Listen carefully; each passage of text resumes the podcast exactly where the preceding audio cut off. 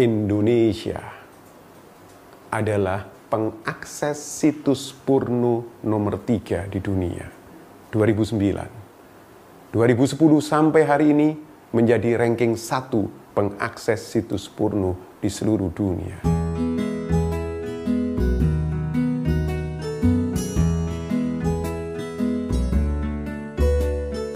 Halo ayah bunda, sebagai orang tua pasti menginginkan anaknya aman dari pengaruh lingkungan-lingkungan yang tidak sehat bahkan jahat.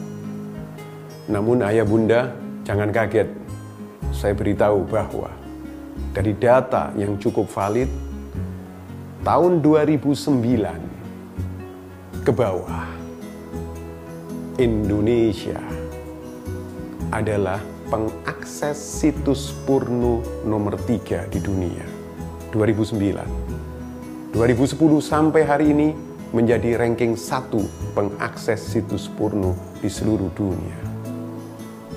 Dan siapa tahu yang mengakses itu adalah anak-anak kita. Karena itu, kita sebagai orang tua harus benar-benar paham bagaimana cara menghambat, bahkan membantu anak-anak kita untuk melawan pornografi. Orang-orang jahat yang dengan perencanaan yang matang melakukan pornografi dengan tiga langkah. Ayah bunda harus tahu ini. Yang pertama adalah membangun perpustakaan mental di memori jangka panjang anak-anak kita lewat berbagai media, dari televisi, dari buku, dari komik, dari game, gambar-gambar yang tidak pantas, yang mewakili banyak hal, terus dipampangkan oleh orang-orang jahat. Itu membangun perpustakaan mental anak kita.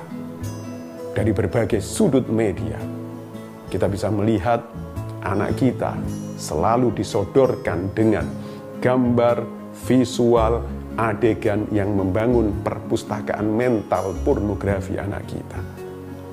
Jika ini terjadi, langkah yang kedua, otak anak kita akan rusak. Otak anak kita akan mengalami yang namanya kebanjiran salah satu zat dopamin apa yang terjadi? Anak kita mengalami adiktif pornografi, ketergantungan. Dan jika ini yang terjadi, maka yang terakhir akan terjadi dan ini diharapkan oleh orang jahat. Anak kita akan punya ketergantungan seumur hidup terhadap pornografi menjadi pelanggan tetap.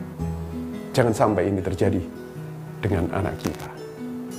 Terima kasih. Saya Munif Hatip, praktisi pendidikan.